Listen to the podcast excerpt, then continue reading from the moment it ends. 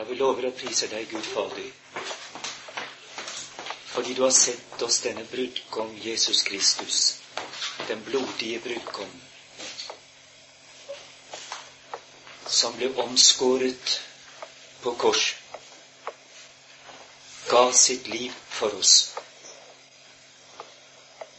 Og utslettet skyldbrevet som gikk oss imot, så det ikke mer skal stå som et skilsmissebrev mellom deg og oss. Vi ber deg, Far, om at denne forløsning må virke inn i våre liv, og forløse oss fra all bitterhet, all anklage, alt hat. At det må forløse forholdet mellom brud og brudgom her i verden. At det må forløse våre ekteskap fra bitterhet, anklage, svik, fiendskap. Vår brudgom tok i bort fiendskap mellom deg og oss, mellom hedninger og jøder, mellom mann og kvinne. Og vi ber om at det må bli sannhet i våre liv. Herre, forbarm deg over oss, og gjenreis oss som Adam og Eva for deg. Amen.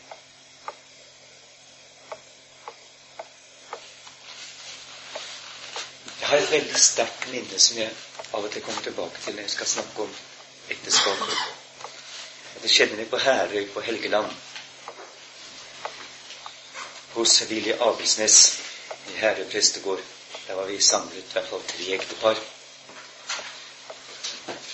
Det var Willy da og to av hans gamle venner.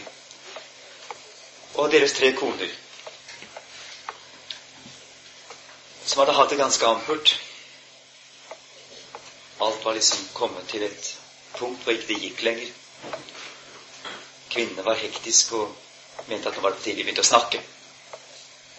Denne kvelden skulle brukes til å bore i ekteskapet og til å lufte ut og til å renske opp. Særlig var det en av dem som var veldig pådriver. Og det var virkelig hektisk, fiendtlig, opprørsk, det hele. Og vi mennene, vi følte oss veldig små. Tok på oss tøflene. Visste ikke hvordan vi skulle få det til å gå. Så begynte en å snakke, og det var en av kvinnene som begynte å snakke masse. Så plutselig så setter Willy seg opp i stolen og sier han, det går ikke på den måten der. Vi kan ikke snakke direkte om sånne ting. Vi vet ikke hva vi snakker om. Vi må ha et filter å snakke gjennom. Vi må ha ord. Vi må ha referansebakgrunn for det vi snakker om. Ellers så snakker vi bare ut i løse lufta ut fra vår frustrasjon. Men vi har ikke noen redskaper å bruke. Så tenkte jeg å, er det psykologi vi skal begynne med nå? tenkte jeg. Vi må gå til boka, sier Willy. Tar han Bibelen, som ligger på bordet, som han alltid gjorde, og slår opp Første Mosebok, i det første kapittelet, og sier han Nå skal vi først lese. Og det oppstår en sånn katastrofestemning. Jeg sier, Det går aldri. Får reise seg på huet på meg. og tenker, Hva skjer nå? Ja, fordi at Dere kan tenke dere så tre andre kvinner, pluss i hvert fall to nervøse menn også den kjølige fyren som setter seg og skal lese Guds ord midt oppi alt dette her. Men han begynner. I begynnelsen skapte Gud himmelen og jorden, og jorden var øde og tom, og det var mørk over det store dyp, og Guds ånd svevde over vannene. Da sa Gud, det blir lys, og det ble lys. Og Gud så at lyset var godt. Og så leste han første siden, ut det første kapittelet, ut det andre kapitlet, nærmer seg slutten på det tredje kapitlet. Og Gud Herren sa Og det merkelige var at det gikk. Og mens han leste, så falt en sånn underlig ro over oss. Noe av amperheten gikk. Vi begynte å lytte. Det var akkurat som første gang vi hørte det. For det var lest inn i en sånn spesiell situasjon. Slett ikke gudelig. Det la seg en sånn avklarethet over det hele, og særlig han nevnte seg slutten. Og Gud Herren sa, Se, mennesket er blitt som en av oss til å kjenne godt og ondt. Bare han nu ikke rekker ut sin hånd og tar oss av livsens tre og eter og lever til evig tid. Så viste Gud Herren ham ut av Edens hage og satte ham til å dyrke jorden som han var tatt av. Og han drev mennesket ut, og foran Edens hage satte han kjerubene med det buende sverd som vendte seg hit og dit for å vokte veien til livsens tre.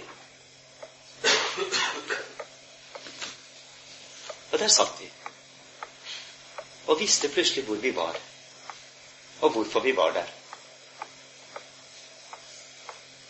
Hadde en sånn fortapt følelse av at vi var sammen utenfor paradis. Kastet ut på grunn av vårt felles svik mot hverandre og mot Gud.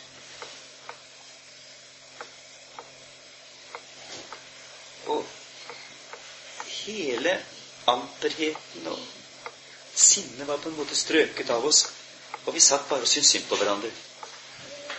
En sånn merkelig opplevelse av å ha vært igjennom alt sammen og sto utenfor. Her var vi.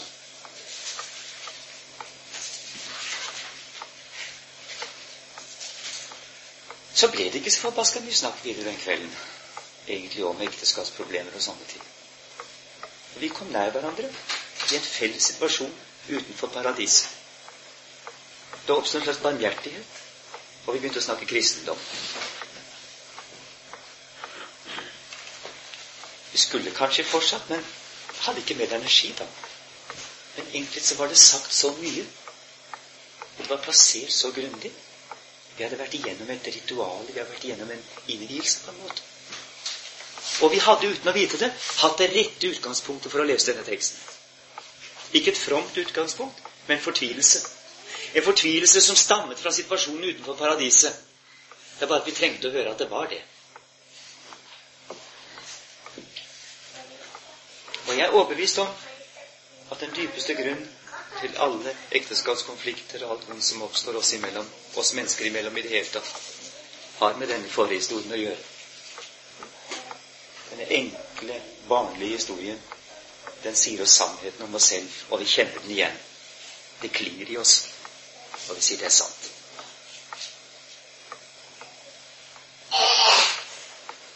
Problemet mann og kvinne er problemet Gud og menneske. Det er dypt, dypt relatert.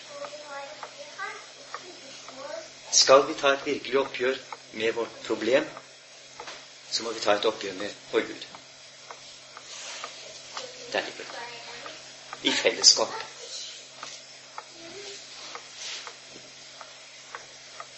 Og det er jo sagt. Det er jo sagt helt tydelig, for de begynner med ett par, ikke mange par, men ett par. Grunnfamilien. Ja, cellen, urcellen, som vi ynder å kalle familien i det hele tatt. Det begynner der. To mennesker blir ulykkelige fordi de sammenfaller fra Gud.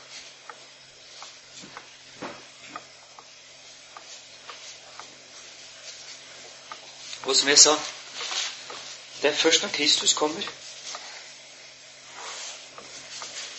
for å forsone Gud og menneske, at også den virkelige forsoning og den dype forståelse kommer inn i ekteskapet også.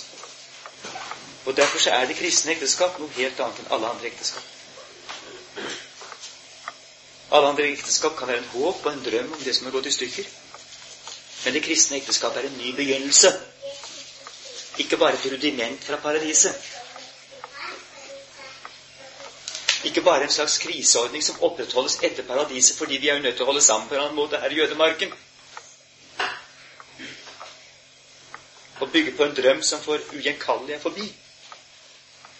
Vi søker jo alle det tapte paradiset i hverandre, men vi finner det ikke. Men det er først når Kristus kommer, at dette får en ny begynnelse. Og Det er derfor også Kristus kan avvise skilsmissen.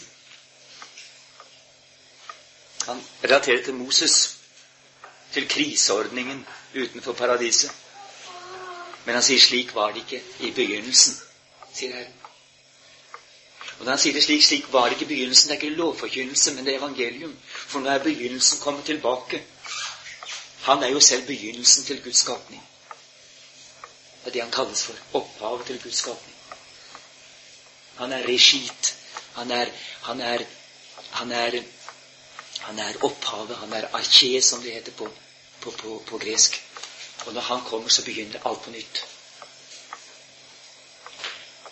Han er det som går frem mot kjeruben mot det lune sverd og lar seg hugge ned, men samtidig gjennom sitt offer åpner veien. Og da skapes grunnlaget for et fornyet forhold mellom mann og kvinne. Ikke lenger bare utenfor paradiset, men på veien til paradiset. Vi går til paradis med sang, som vi synger. Det kunne vært en flott bryllupssang. Vi hørte jo oss i går en søster fortalte oss om hvordan hele verden ble ny da hun grep evangeliet. Farvene ble sterkere. Eh, virkeligheten ble virkeligere. Vi får nye øyne til å se med. Vi får nye øyne til å se hverandre med. Vi kan kalle det for forsoningens blikk. Det var noe av det vi opplevde der og da. Det står ikke direkte noe om det i teksten, men det står et løfte. Et løfte til kvinnen. Et løfte til kvinnen, står det. Det er viktig at det er kvinnen som får løftet. Din ett skal knuse slangens hode. Det står det i slutten av det tredje kapittelet. Adam får ikke noe løfte. Adam får det løftet at han skal arbeide med jorda i sitt ansikts ved inntil han vender tilbake til jorden. På støv er du, til støv skal du vende tilbake, står det. Men Eva får et løfte. Din ett skal knuse slangens hode.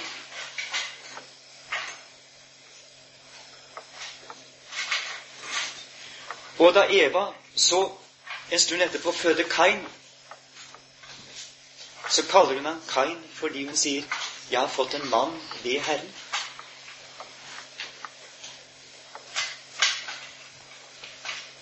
Det kan ikke bety noe annet at hun griper tilbake til dette løftet hun fikk. Og nå har hun fått en ikke sønn, men en mann ved Herren.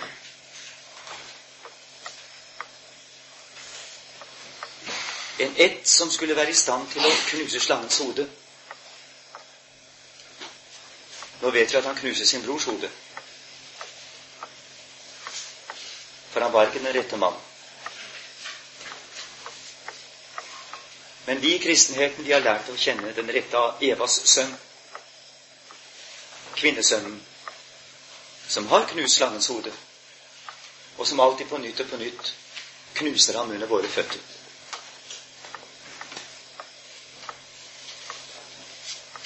Men hva betyr dette at han er kvinnesønnen? Hvorfor fikk ikke Adam dette løftet? Hva er det som skjuler seg i dette?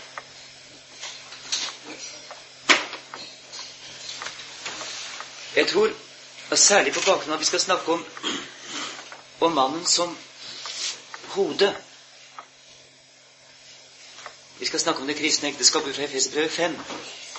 Så er det veldig viktig å konsentrere seg akkurat om dette. Hvorfor fikk kvinnen løftet, ikke mannen? Hva er det med mannen?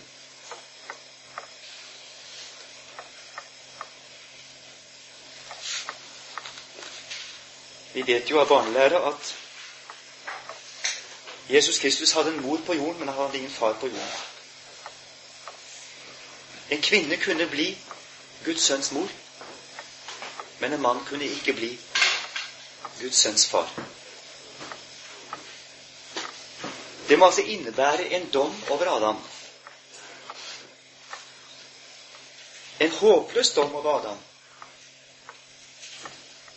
som kvinnen av en eller annen grunn ikke har del i.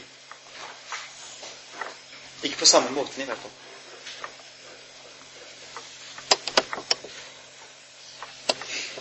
Det er så fantastisk jeg gjorde en gang jeg skulle tale om et lignende tema. Å se på Jesu Kristi ettertavle ifølge Matteus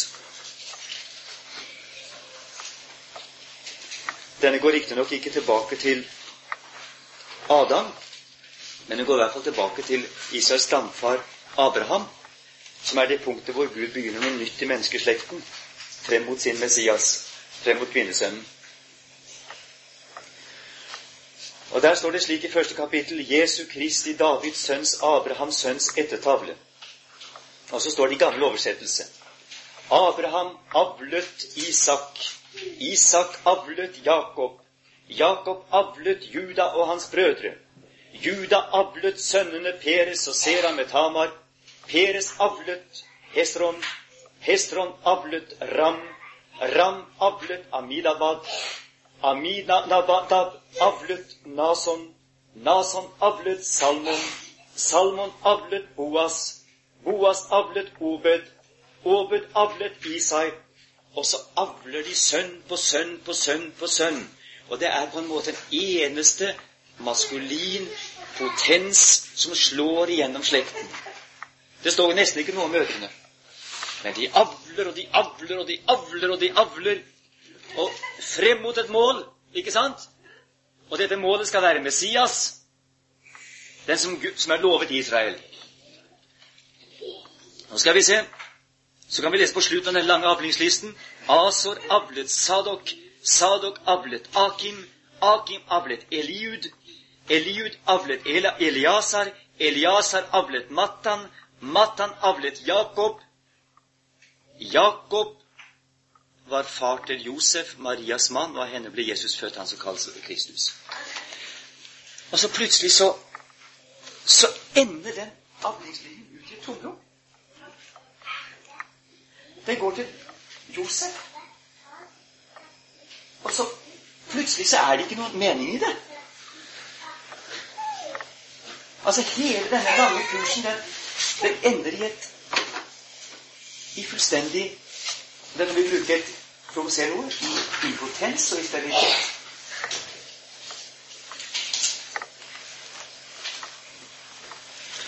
Josef avler ikke Jesus. Du kommer til et punkt hvor kjødet ikke er i stand til å bære frem sin egen frelse. I Josef har du faktisk talt dommen over Adam. Selv om Josef er en from og rettferdig mann, så stadfestes dommen over Adam i Josef. Du kan ikke bære frem det nye livet. Du er nødt til å se døden uten å kunne bære frem det nye livet. Du har ikke noe løfte.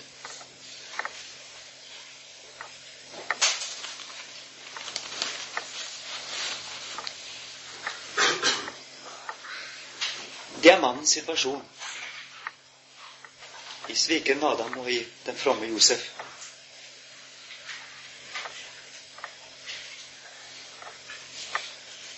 Det som er mannens stolthet, sønnene, avkommet, mitt eget jeg som fortsetter i slekten.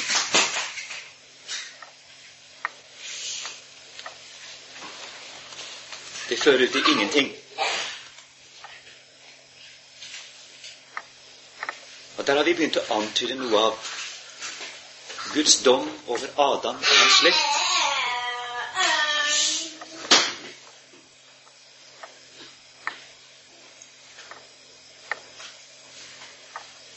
Jeg har undret meg over det. Hva som er forskjellen. Jeg tror det ligger Forskjellen ligger i det at Paulus blir jo ikke trøtt av å fremheve at det var Adam som ble fristet og syndet først. Er at Eva Eva ble fristet og syndet. Og allikevel så står Adam der som sviker og som dømt. Det snakkes jo om Adams ett. Det snakkes om den gamle Adam. Hva ligger Adams svik i?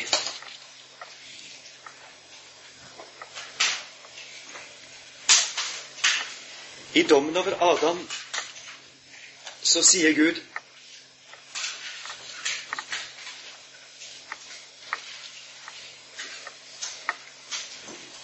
I vers 17 i det tredje kapittelet i Første Mosebok Fordi du lød din hustru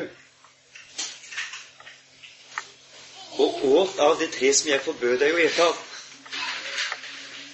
så skal jorden være forbannet for din skyld. Fordi du lød din hustru. Det er det første. Altså fordi du abdiserte fra ditt ansvar. Det som du skulle tatt der og da. Så skal jorden være forbannet for din skyld. Det er ikke bare fordi du åt av frukten, men fordi du lød din hustru. Vi må være klar over at disse tre kapitlene de er så komprimerte at hver eneste liten detalj betyr noe. Et lite ord kan bety like mye som en lang teologisk utredning i en annen type skrift. Hver eneste lite ord har vekt her. Som f.eks.: De skal være ett kjød. Det er et helt bibliotek, egentlig. det. Og her også fordi du lød din hustru. Og båt av de tre jeg forbød deg å ete av. Altså fordi du som hadde fått dette forbudet Det var Adam som fikk det. Han skulle håndheve det. Og fordi du ikke håndhevet det For Adam har bare sin autoritet fra Gud. Og underkastet en annen autoritet, som ikke var slangens, men kvinnens.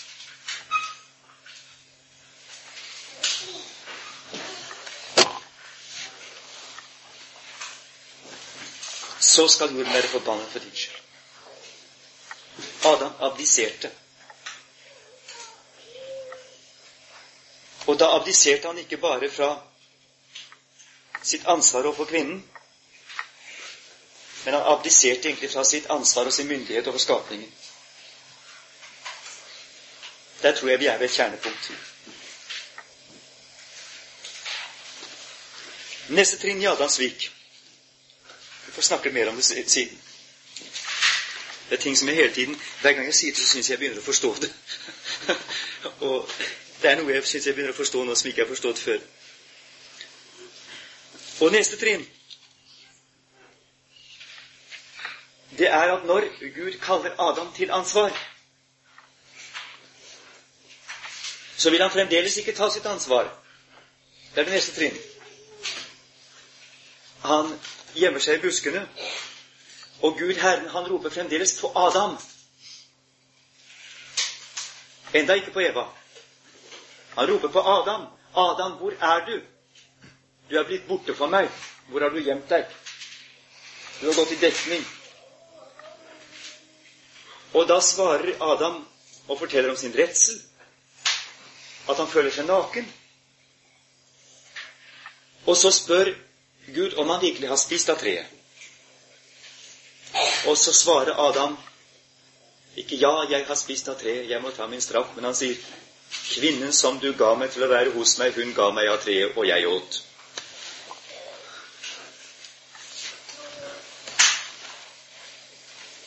Altså fremdeles ikke ta ansvar, men skyve ansvar fra seg over på kvinnen. Og egentlig over på Gud kvinnen som du ga meg. Hun ga meg, og jeg åt. Hun forvaltet dette sakramentet for meg. Men hun, han velte skylden over på henne. Han er ikke villig til å stå for sitt ansvar som Adam, som universets konge. Det var han innsatt til å være. Det skulle vi kanskje begynne.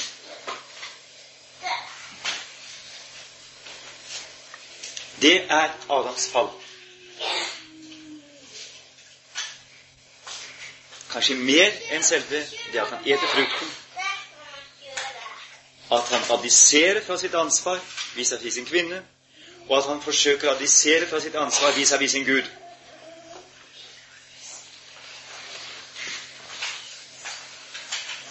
Og forsøker å innrette seg på en annen måte.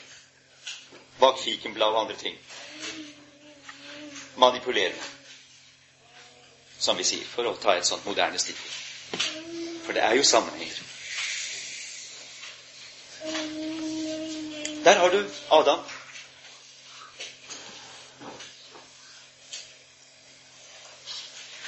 Og det er dommen over Adam. Og det er enhver kvinnes dom over Adam. Når dette forkynnes, så sier kvinnehjertet ja.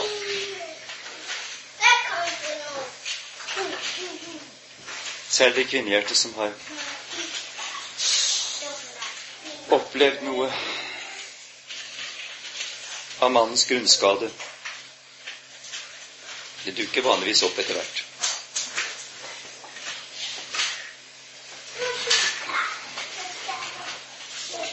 Det står hun ja til.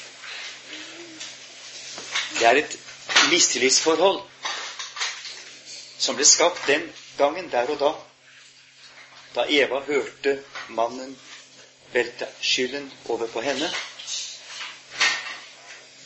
som ligger så djupt at det er gått inn i arvestoffet vårt.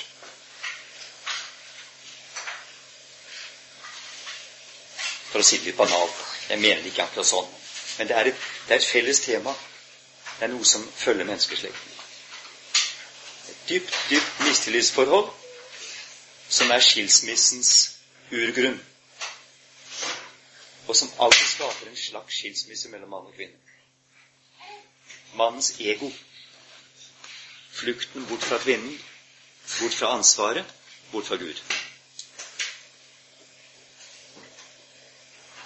Sigrid Undset sa noe rart en gang. Hun sa at en kvinne vil ikke elskes for sin egen skyld, hun vil elskes for Guds skyld. Når det kommer til stykket. Er bare det som kan henne trygghet. En mann elsker for kvinnens egen skyld. Det opplever hun gang på gang.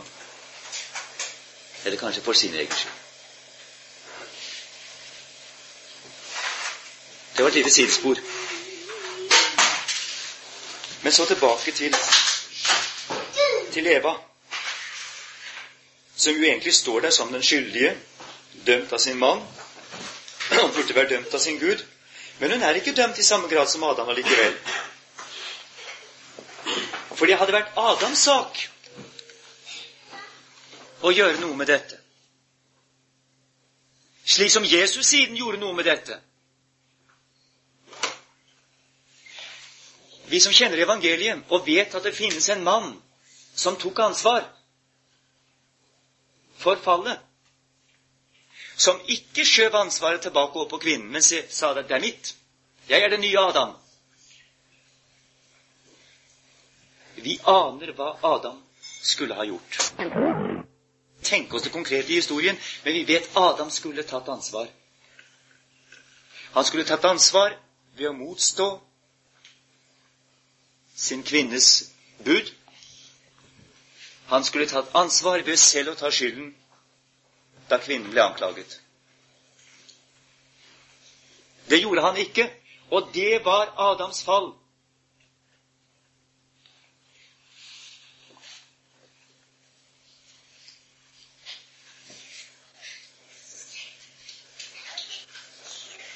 Og det er det store fallet i denne historien. Det er det store fallet i denne historien.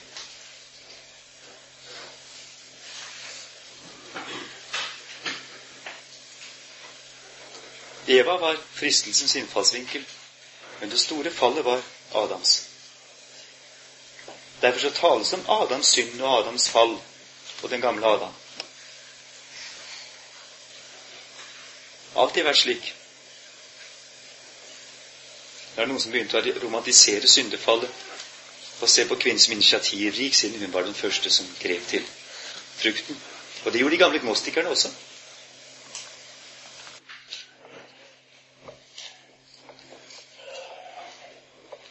Gud Herre sa til kvinnen, hva er det du har gjort? Adam vil jo ikke ta noe ansvar, så får han gå videre til kvinnen. Og kvinnen sa, 'Slangen dåret meg, og jeg åt'. Så går Gud videre til slangen og forbanner slangen. Og da nevner han altså fiendskapet mellom deg og kvinnen, og mellom din ett og hennes ett. Den skal knuse ditt hode, men du skal knuse dens hæl. Kristus smadret på korset, det er bildet av Den knuste hæl. Til kvinnen sa han, Jeg vil gjøre din møye stor i ditt svangerskap. Med smerte skal du føde dine barn, og til din mann skal din attrå stå, og han skal råde over deg.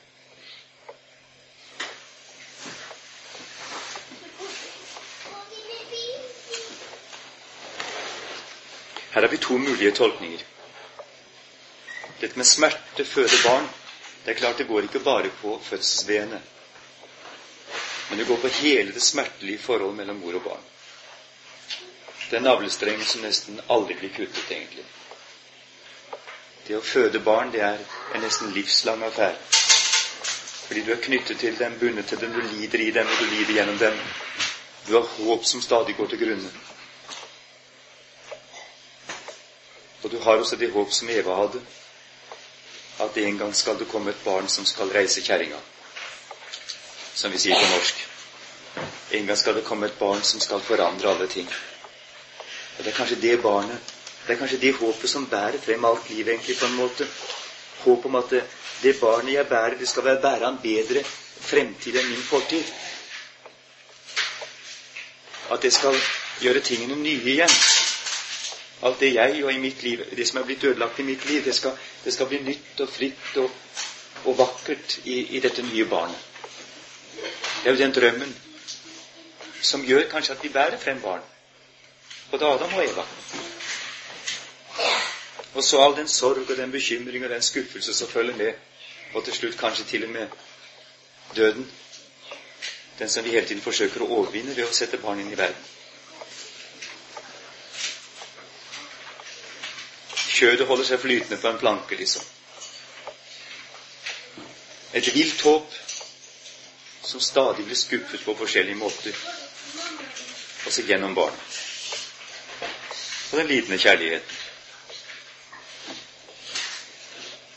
Og så dette ordet til en mann skal din attrå stå, og han skal råde over deg. Kanskje kvinner heller aldri kan oppgi håp om mannen at dette også er en slags forbannelse, bundet til svikeren Adam med et urealistisk håp om at han skal være noe annet. En lengsel at han skal fylle noe som han ikke klarer å fylle i mitt liv. Kanskje det er det det betyr. Og at han på den måten også hersker over kvinnen. Det er kanskje derfor hun er så frenetisk og forsøker å frigjøre seg nå i vår tid. Egentlig fordi hun ikke er fri.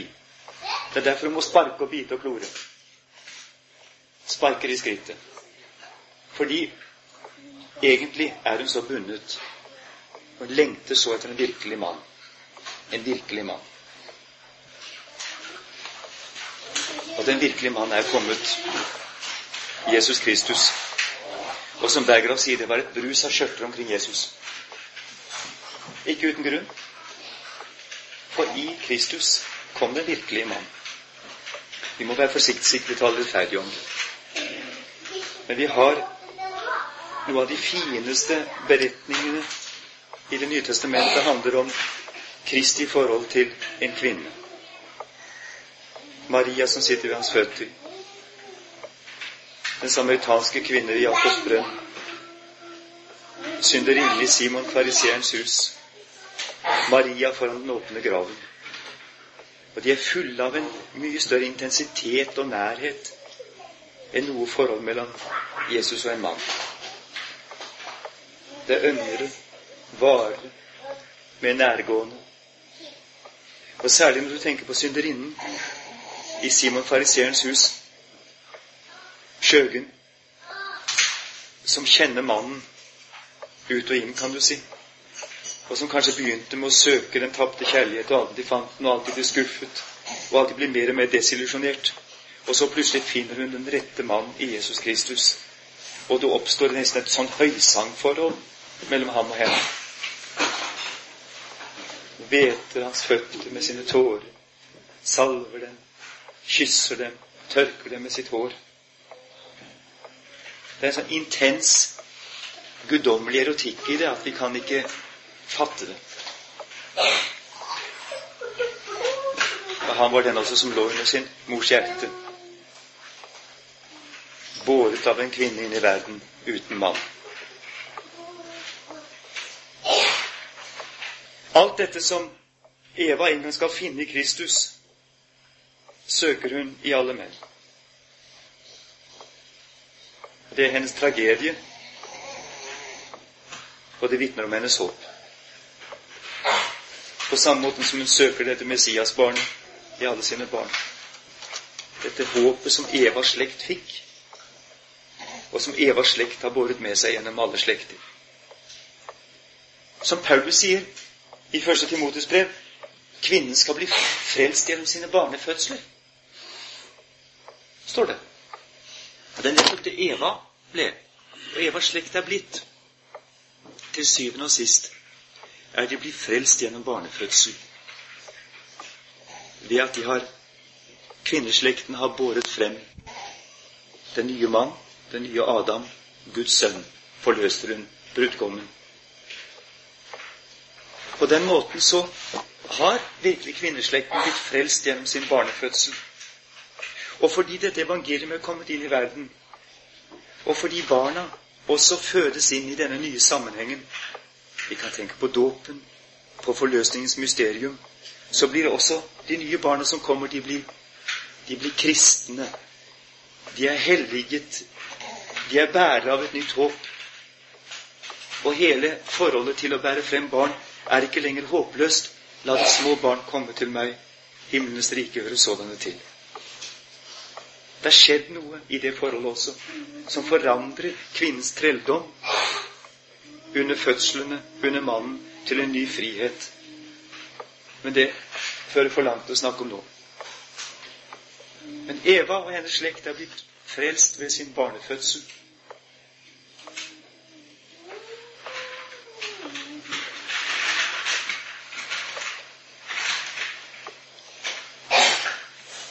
Nå kan disse ordene også i vers 17 bety noe annet.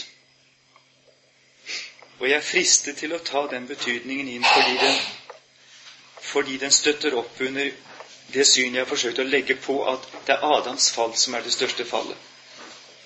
Altså denne ansvarsfraskrivelsen og abdikasjonen fra sitt ansvar. Og det lærte jeg i sommer av biskop Rudvin, som jo er en veldig dyktig semitt, kan vi si. Han er veldig dyktig i semittiske språk.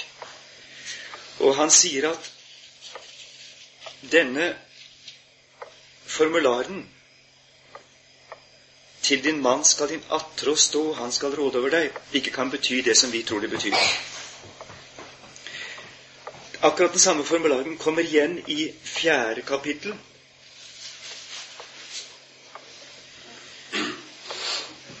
I det syvende verset, og det handler om Kains synd. Har du ikke gått i sinne, da ligger synden på lur ved døren, og dens attrå står til deg. Men du skal være herre over den. Og det å være herre og råde over, det er akkurat det samme ord som brukes der også. Du skal herske over den. Altså synden og kvinnen settes på samme linje som fristelsen. Og da kan dette også med utgangspunkt i grunnteksten med en annen forståelse bare av ordet, men av det samme stammeordet, så kan det bety rett og slett For det første så betyr ikke her i vers 4-7 eller attrå, men det betyr Det kan oversettes slik Synd ligger du ved døren, og den forsøker å drive deg. Jage på deg, på samme måte som man jager på dyrene for å få dem ut av marken, f.eks., eller noe sånt. Den forsøker å jage på deg, men du skal kontrollere den. Du skal være herre over den i den forstand at du skal kunne vise den tilbake, slik at denne fristelsen ikke blir virkelighet. Og da tilbake til vers 3, kapittel 3, vers 17. Nei, vers 16. Da kan det oversettes slik Du drev din mann. Dere vet tidligere hebraisk det er, et, det, er veldig, det er et veldig vanskelig sak om det er fortid eller fremtid eller nutid. Du drev din mann Men han skulle vært herre over deg. Han skulle altså ha forhindret det. Han skulle tatt ansvar. Og hvis det er tilfellet, at det skal leses slik, og, og Rudin sier det må leses slik, så blir dette bildet av Adams svikere, ansvarsfraskriveren, enda sterkere. Kanskje det kan bety begge deler. Så underlig er av og til Guds ord. I hvert fall så er jo den gamle tolkningen den, den, den klinger. Den virker i oss. Den, vi, sier, vi, ser at det er noe sant i den. Men denne nye tolkningen den går jo da enda grundigere inn i teksten, kan vi si. La det stå åpent. Og la oss for så vidt ta begge deler med. Det som blir i hvert fall hovedpoenget her, er at Adam står som svikeren, og av den grunn er han heller ikke i stand til å bære frem den forløsende sønnen. Han er med all sin seksualdrift og forplantningsdrift så er han impotent i forhold til det avgjørende å avle Guds sønn. Og det er en del av dommen over ham, fordi han er grunnsvikeren. Mens Eva og Evas slekt enda er i stand til å bære Gud en sønn, til å bære frem den nye mannen. Det være sagt som trøst til kvinneslekten. Og i hele dette oppgjøret vi har mellom mann og kvinne, vi skal forsøke å etablere kristen forhold til hverandre igjen. I Maria ser du din søster. Det kunne ha vært deg. En hvilken som helst kvinne kunne ha vært Maria. Det er veldig, veldig viktig. I Marias rolle når hun bærer frem et barn i troen. Hun skal bli frelst i sine barnefødsler, står det. Det skjer i tro og lydighet. Hun er i nær pakt med Guds mor, og som sagt, hun kunne ha vært på Guds mor. I kraft av Guds nåde, barmhjertighet over menneskeslekten, i kraft av dette løftet som er gitt slangen og alle kvinner. Og en dag så sa kanskje Maria det samme som, som Eva. Jeg har fått en mann ved Herren. Men hun kalte ham ikke Kain, hun kalte ham Jesus. For det var jo egentlig Abel hun hadde født. Han som skulle dø under fiendskapet. Og det var jo egentlig Kain som slo ham i hjel. Det gamle selvhevdende mennesket. Kain er Adam på sitt verste.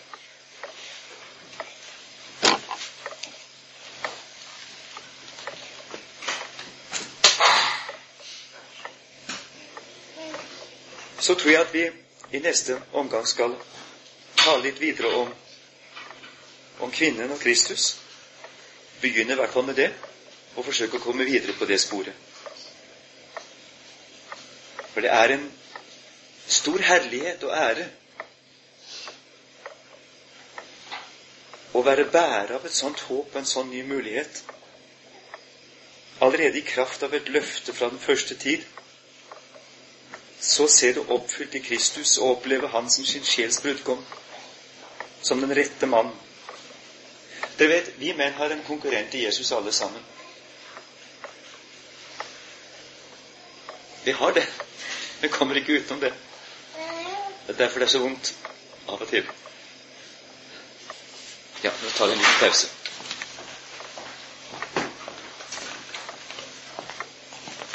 Det er gammelkristen praksis. Man kan ikke så godt løpe fra henne heller. Det er et mellommenneskelig forhold. Det er noe veldig uforløst i det. Og Allikevel vil jeg påstå at menneskelig tatt så oppfører han seg kanskje mye, mye bedre enn mange av oss ektefeller. Et uløselig dilemma. Gud i sin nåde vet hva det skal bety og hvordan det skal løses. Men Kirken kan ikke løse ham. Selv om de ville. Selv om de ønsket. Kirken kan ikke legge hendene på ham og erklære i Faderens og Sønnens og Den hellige ånds navn at han er, denne kvinnen hans rette hustru. løs det, den som vil. Det ligger ingen dom i det. Ingen fordømmelse.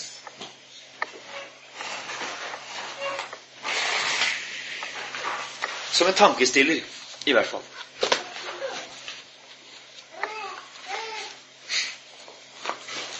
Kunne vært fristende å si at dette er en sånn fin mann og dette er en sånn fin kvinne, og vi vil gjerne ha dem med på nattverdsbordet. Og de andre vi kan tenke på, det er jo bare vantro mennesker, så her må vi jo kunne gjøre en særordning. Men hva Kirken kan ikke det, for den har bundet mandat, slik den forstår sin oppgave.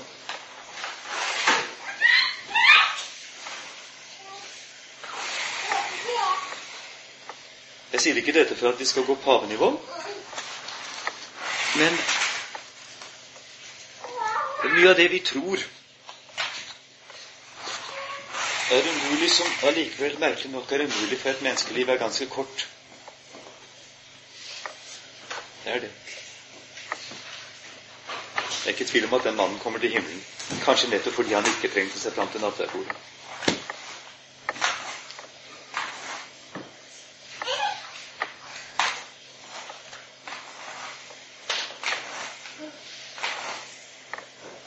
Ja, jeg skal lese litt fra det vi kjenner til av den første kristne kirkes retningslinjer på dette punktet. Hermas hyrde, et skrift fra det tidlige annet århundre, som hadde en ganske høy status til tider i kirken og holdt på å komme med blant de kanoniske skrifter. Det er formet som en åpenbaring. Det er en engel, en hyrde, som kommer til Hermas og, og utlegger da den nytestamentlige etikk for ham i forskjellige spørsmål. Han stiller spørsmål.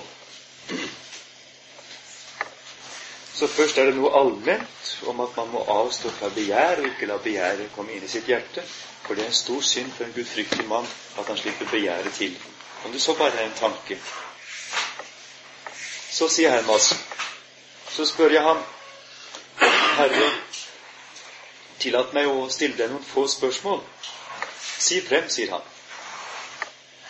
Herre, sier jeg, hvis en mann har en kvinne som er troende, en hustru som er troende, og at han så oppdager at hun er vært utro mot ham, griper henne i hor, eh, synder da mannen hvis han fortsetter å leve sammen med henne? Så svarer hyrden så lenge han er uvitende om det, så synder han ikke. Men hvis eh, husbonden får greie på hennes synd, og kvinnen ikke angrer, men fortsetter med sitt hor, og husbonden da fortsetter å leve med henne, så blir han delaktig i hennes synd og tar del i hennes hor. Hva da, spurte jeg, herre, skal husbonden gjøre hvis, hvis kvinnen fortsetter på denne måten? Da skal han vise henne bort, sier han. Og så skal mannen bli alene for seg selv. Men hvis han viser hustruen bort, og så gifter seg med en annen, da begår han selv hor. Da driver han selv hor. Men, sier jeg, her er visst hustruen som er blitt jaget bort, hvis hun angrer og ønsker å vende tilbake til sin mann, skal hun ikke da bli tatt imot igjen? Jo, sier han. Hvis mannen ikke tar imot henne da, da synder han og pålegger seg en stor synd. For det er nødvendig å ta imot en synder som omvender seg. Men så sier han noe i tillegg. Men ikke ofte. For Guds tjenere har egentlig bare én omvendelse. Men det strever Hermas tydelig med. Altså hvor ofte dette skal kunne skje, for det kunne jo tenkes at det var bare en rettferdig omvendelse. Men det kanskje Hermas vil ha frem, er at da er det ikke egentlig noen virkelig omvendelse heller. Hadde det vært en virkelig omvendelse, ville det ikke, så ville det ikke gjentatt seg. Derfor For at omvendelse skal kunne finne sted, så må mannen ikke gifte seg. Og dette gjelder selvfølgelig også hustruen. Altså man, For å gjøre omvendelsen mulig, så plikter den svekende parten å forbli ugift, slik at døren til enhver tid kan stå åpen. Og Det er jo selvfølgelig igjen Herrens eksempel, som kaller natt og dag på sin frafallende brud.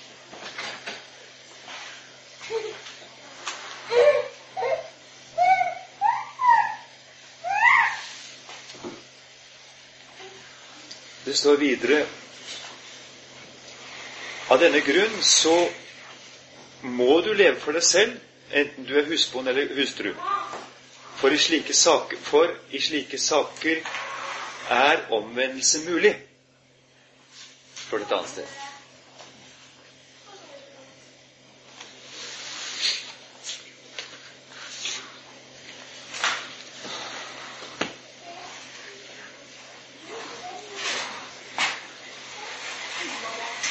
Sigrid hadde en mann hun var glad i.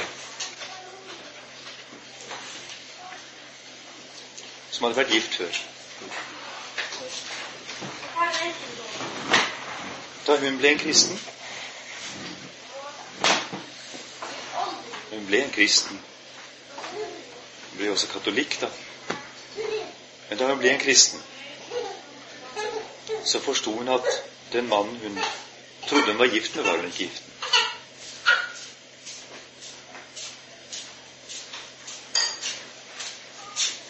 tror det er et kapittel som ikke jeg har lest noe særlig om, men det nok vært et sårt og merkelig kapittel. Da han løste seg fra sin mann.